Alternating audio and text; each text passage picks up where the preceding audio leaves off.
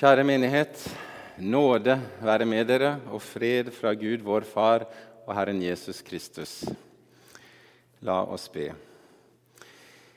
Evige Gud og Far, takk for at du har avdekket åpenbart for oss hvem du er i Jesus Kristus, og at du ved Din Hellige Ånd inntil denne dagen vil vise oss hvem du er.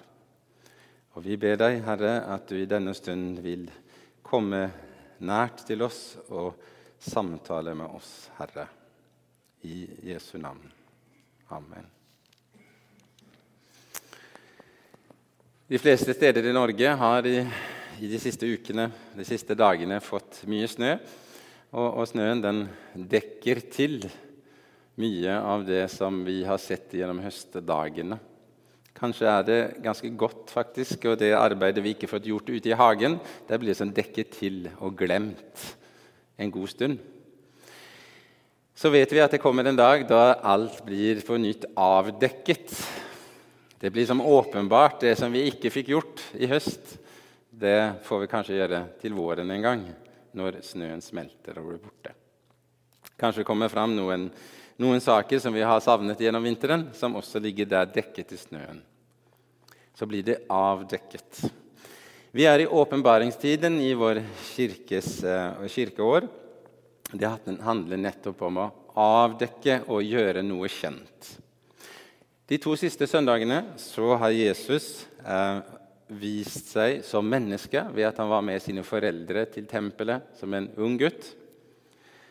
Sist søndag så var det hans dåp, og det blir tydelig hans forhold til sin himmelske far som Guds sønn. Altså, vi har fått sett noe av Jesus, avdekket at han er menneske, og avdekket at han er Gud. I dag så fortsetter Jesus å si mer om seg selv og avdekke noe mer. Og i sin oppgave som han skal utføre i denne samtalen med en kvinne som henter vann. Samtidig som vi ser av teksten, så er det også mye som avdekkes av denne kvinnen og kvinnens liv. Og det håper vi og tror at det også vil gjøre av oss og i vårt hjerte at få avdekke noe i oss. Vi reiser oss og hører det hellige evangeliet fra Johannes kapittel 4, fra vers 4. Han måtte reise gjennom Samaria, og der kom han til en by som het Syker, like ved det jordstykket Jakob ga sin sønn Josef. Der var Jakobskilden. Jesus var sliten etter vandringen, og han satte seg ned ved kilden. Det var omkring den sjette time. Da kommer en samaritansk kvinne for å hente vann. Jesus sier til henne, 'La meg få drikke.' Disiplene hans var nå gått inn i byen for å kjøpe mat. Hun sier, 'Hvordan kan du som er jøde, be meg, en samaritansk kvinne, om å få drikke?' For jødene omgås ikke samaritanene. Jesus svarte, 'Om du hadde kjent Guds gave og visst hvem det er som ber deg om å drikke,' da hadde du bedt ham han hadde gitt deg levende vann. Herre, sa kvinnen, du har ikke noe å dra opp vann med, og brønnen er dyp. Hvor får du da det levende vannet fra? Du er vel ikke større enn vår stamfar Jakob? Han ga oss brønnen, og både han selv og sønnene hans, og buskapen drakk av den. Jesus svarte, den som drikker av dette vannet, blir tørst igjen. Men den som drikker av det vannet jeg vil gi, skal aldri mer tørste. For det vannet jeg vil gi, blir i ham en kilde med vann som veller fram og gir evig liv. Kvinnen sier til ham, Herre, gi meg dette vannet, så jeg ikke blir tørst igjen og slipper å gå hit og hente opp vann. Da sa Jesus til henne, Gå og hent mannen din, og kom så hit. Jeg har ingen mann, svarte kvinnen. Du har rett når du sier at du ikke har noen mann, sa Jesus.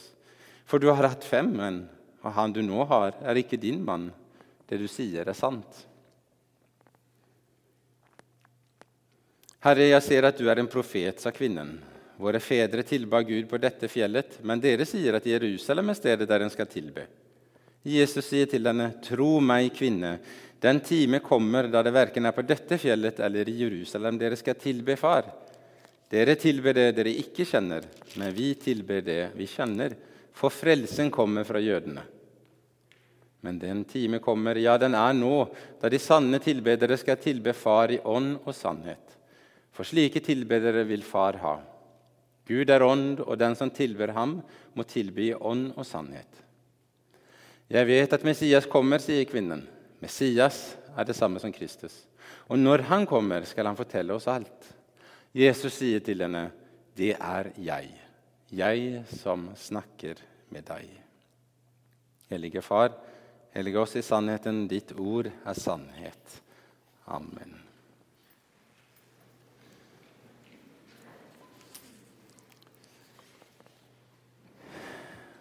Jesus begynte sin offentlige tjeneste først i området Galilea i nord.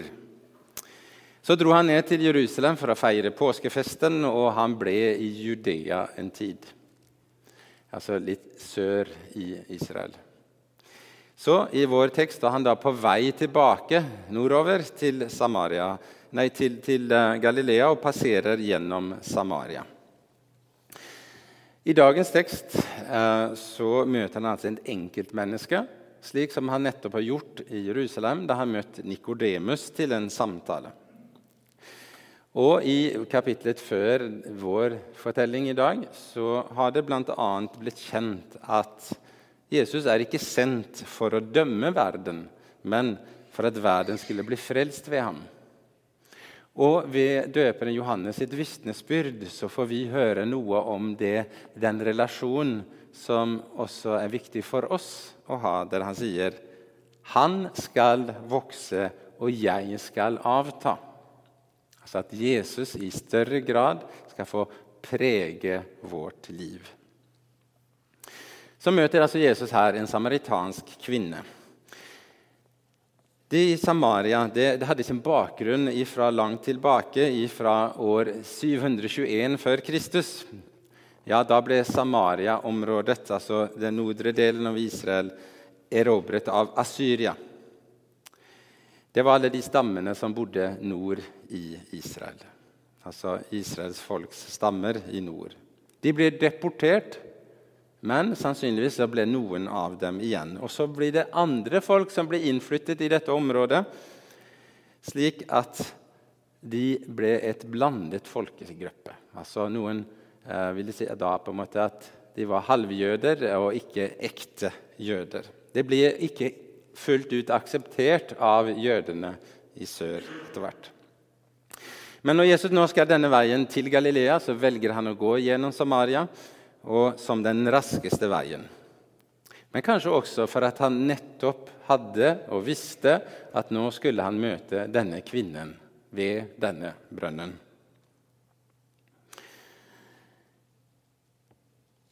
Når Jesus møter denne kvinnen så, og til samtale alene der ute Disiplene hadde gått inn i byen. Så bryter han på en måte et tabu de religiøse forestillingene om urenhet blant samariene og av og til de religiøse forestillingene om urenhet for en kvinne, det, eh, som de da ikke skulle blande seg med sånn direkte, det bryter Jesus for å komme i en samtale med henne. Jesus møter henne med nåde og med sannhet. Og Her ser vi på en måte hvordan nettopp nåde og sannhet trer fram i praksis. Det som er omtalt i begynnelsen av Johannes evangeliet, kapittel 1, vers 14 og 17, der det står at nåden og sannheten kommer Jesus Kristus. Her får vi se hvordan det fungerer i praksis når Jesus møter et menneske i samtale. Og ut ifra tre eh, eh, av versene i, i, dette, eh, i, teksten vi har lest, så, så skal vi stoppe inn for tre punkter. Den første er vers 14, der det står Den som drikker av det vannet jeg vil gi, skal aldri mer tørste. For det vannet jeg vil gi, blir i ham en kilde med vann som veller fram og gir evig liv. Når Jesus møter denne kvinnen, så presenterer han Han tilbyr evangeliet. De gode nyhetene om noe som kommer som en gave, og som skaper et liv i oss. Han kommer med nåde. så ser vi likevel at hans ord skaper både en motstand, men også noe som føder en lengsel i denne kvinnen. Hun utfordrer Jesus. Hun viser på en måte et avstand til ham ved at hun i vers 9 sier Hvordan kan du som jøde be meg, en samaritansk kvinne? Altså, Hvordan er det mulig for deg å liksom ha denne kontakten med meg? I vers 12 så sier hun du er vel ikke større enn vår stamfar Jakob? Ja, hun på en måte prøver å utfordre Jesus og holde ham litt på avstand. Jesus han svarer foreløpig ikke så veldig mye på akkurat hennes spørsmål direkte, men han leder samtalen videre og holder, holder samtalen gående. Holder på tråden. Og Så skal hun snart få svar på om Jesus er større enn stamfaren Jakob. Han taler om levende vann. Det kan være en beskrivelse av friskt, rennende vann til forskjell fra vann som står stille og kan bli dårlig. Altså Forskjellen på det vannet vi kan drikke og bruke, og det som vi helst ikke skal bruke. Men her er det i første omgang talt om en åndelig gave som gir og skaper liv i vårt indre. En tilbud om en kilde som gir liv. Johan, litt senere i Johannes i kapittel 7 vers 38 så sier Jesus så her den som tror på meg, fra hans indre skal det, som Skriften sier, renne elver av levende vann. Og dette sa han om ånden eh, dette sa han om ånden de som trodde på ham, skulle få. Ånden var ennå ikke kommet, for Jesus var ennå ikke blitt herliggjort. Ånden vil i oss altså Når Jesu, Guds ord, taler, så vil Ånden bruke det inn i vårt liv for å vekke oss og til å gi liv. I ordene fra Jesaja som vi leste nettopp, så står det 'Kom, alle tørste. Kom til vannet.' Og Så forklares det videre hvordan det rent praktisk kan skje. Jo, vend øret hit og kom til meg. Hør, så skal dere leve. Hør ordet, så får dere Ta imot den kilden, det vannet, som skaper liv.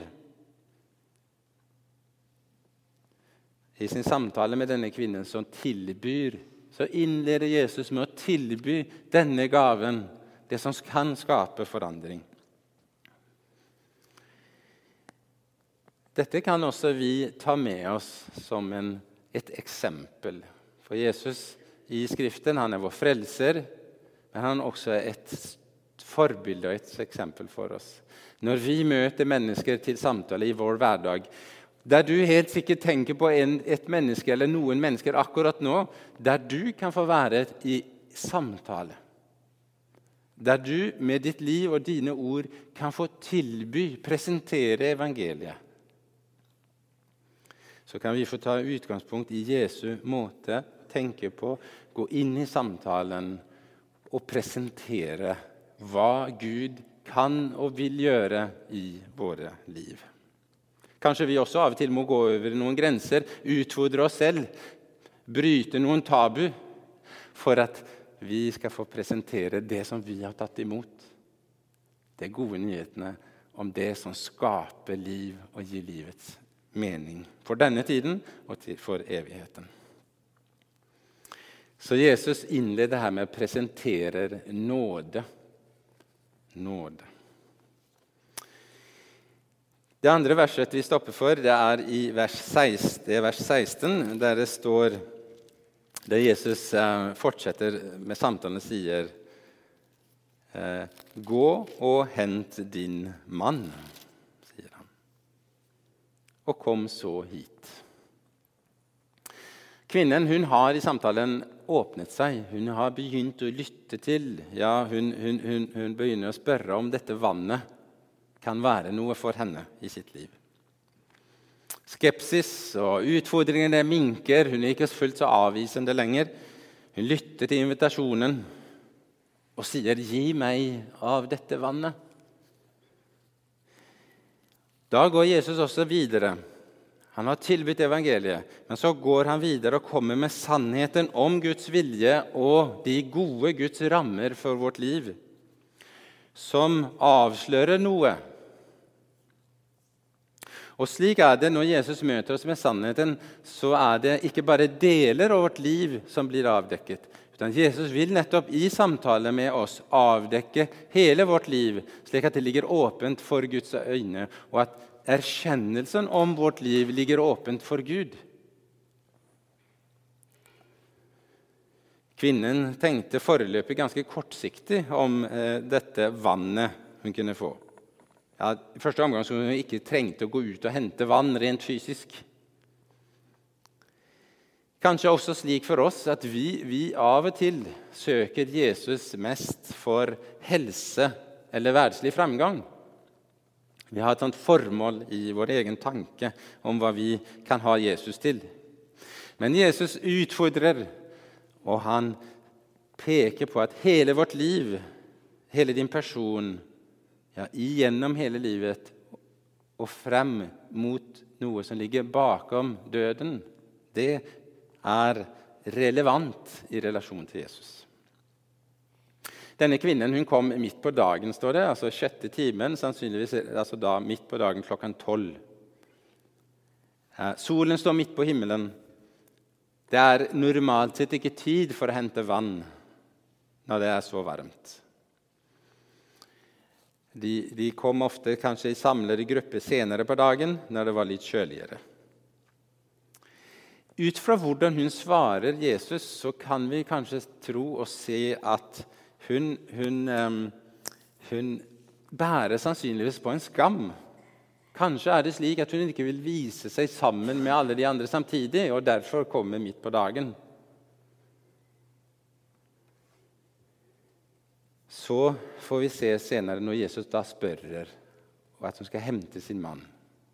Så må hun svare slik som det er, og da svarer hun sant.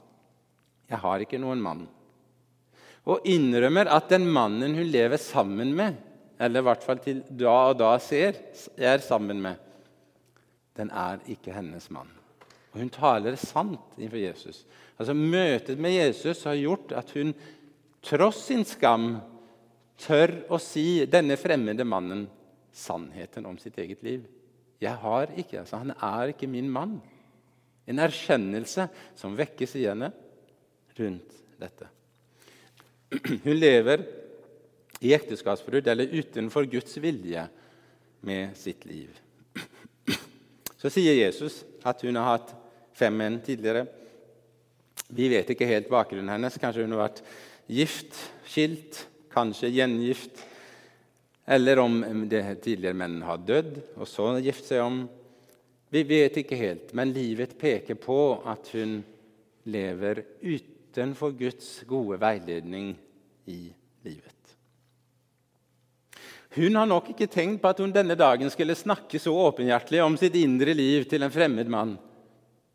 Men det er noe med Jesus og hans ord som skaper en lengsel etter å få lette sitt hjerte. Tale til Jesus. Og da kan Jesus si nettopp det. Det du sier, er sant. Jesus taler rett og direkte, og det overbeviser om synd i livet. Og Det er nettopp det som Jesus ønsker å møte deg med i denne gudstjenesten også. Nåde og sannhet. Sannheten at Guds ånd nå i dette øyeblikket får lov til å vise deg og meg, få pirke bort i det som vi gjerne vil skjule for hverandre, men også altfor ofte skjule for Gud. Tilbudet med at Jesus utfordrer, det er en mulighet å få leve åpent med Gud. En åpenhet som vil åpne også ditt fellesskap med dine medmennesker, som vi skal se senere. Vi ser at det vekker lengsel etter samtale videre og et dypere savn. Hun skjønner, denne kvinnen, at når hun møter Jesus, så er det en form av guddommelig nærvær, selv om hun ikke helt har skjønt hvem han er. Det er guddommelig nærvær. Det er en profet fra Gud som taler. I vår gudstjeneste så vil Gud med sin ånd her være til stede med guddommelig nærvær for å nettopp møte deg og meg i dag med nåde og med sannhet. Bibelens ord er Guds ord, overgitt til oss. Han taler til deg og meg nå med og ved sin ånd. I samtale med deg tilbyr han den kilde som gir liv. Evangeliet om tilgivelse for at han har tatt din skam. Han har båret dine brudd og din skyld. Han har gjort det i ditt sted. Det er fullbrakt, og han tilbyr det. Men som for denne kvinnen så fører altså Jesus samtalen, samtalen også til de utfordringer, det som stenger veien mellom oss og Gud. Slik at vi også i en åpen erkjennelse innenfor ham ikke skjuler og gjemmer vekk, men flykter til ham med det som bor i vårt hjerte. Uten nåde, uten at nåden formidles, så formidles ikke sannheten om hvem Gud er.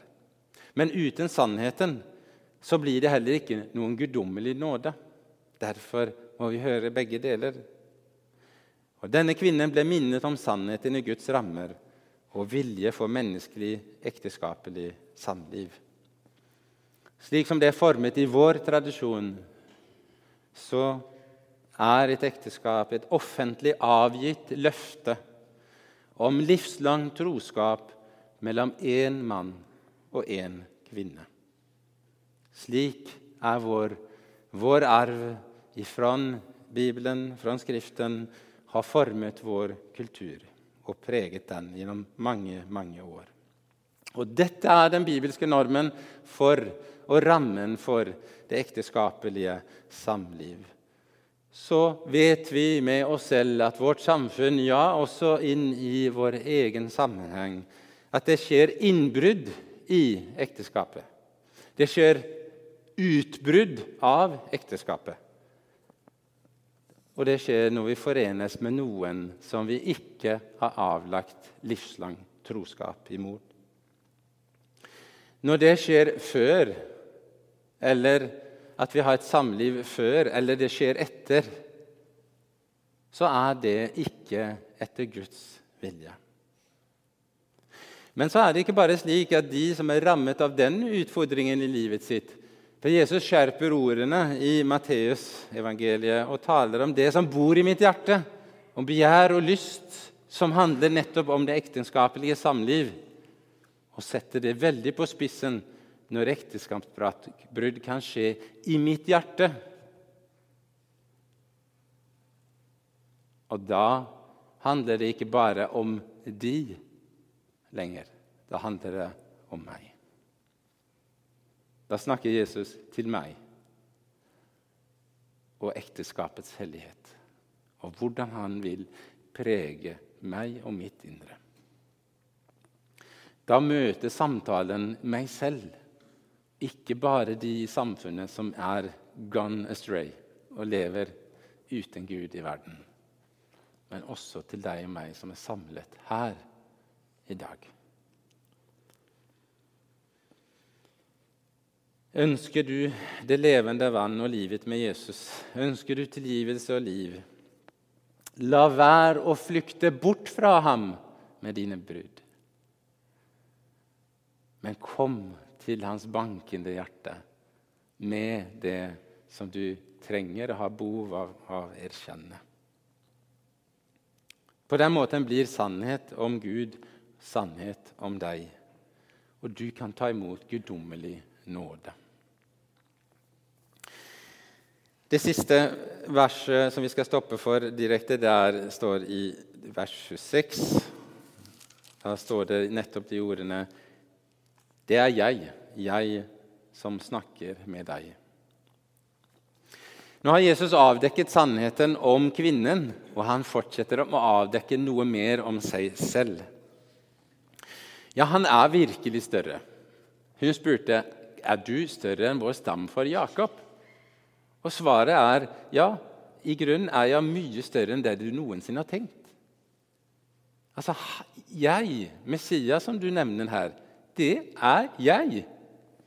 Og så kan vi tenke at altså, de ordene de må være helt ubegripelige.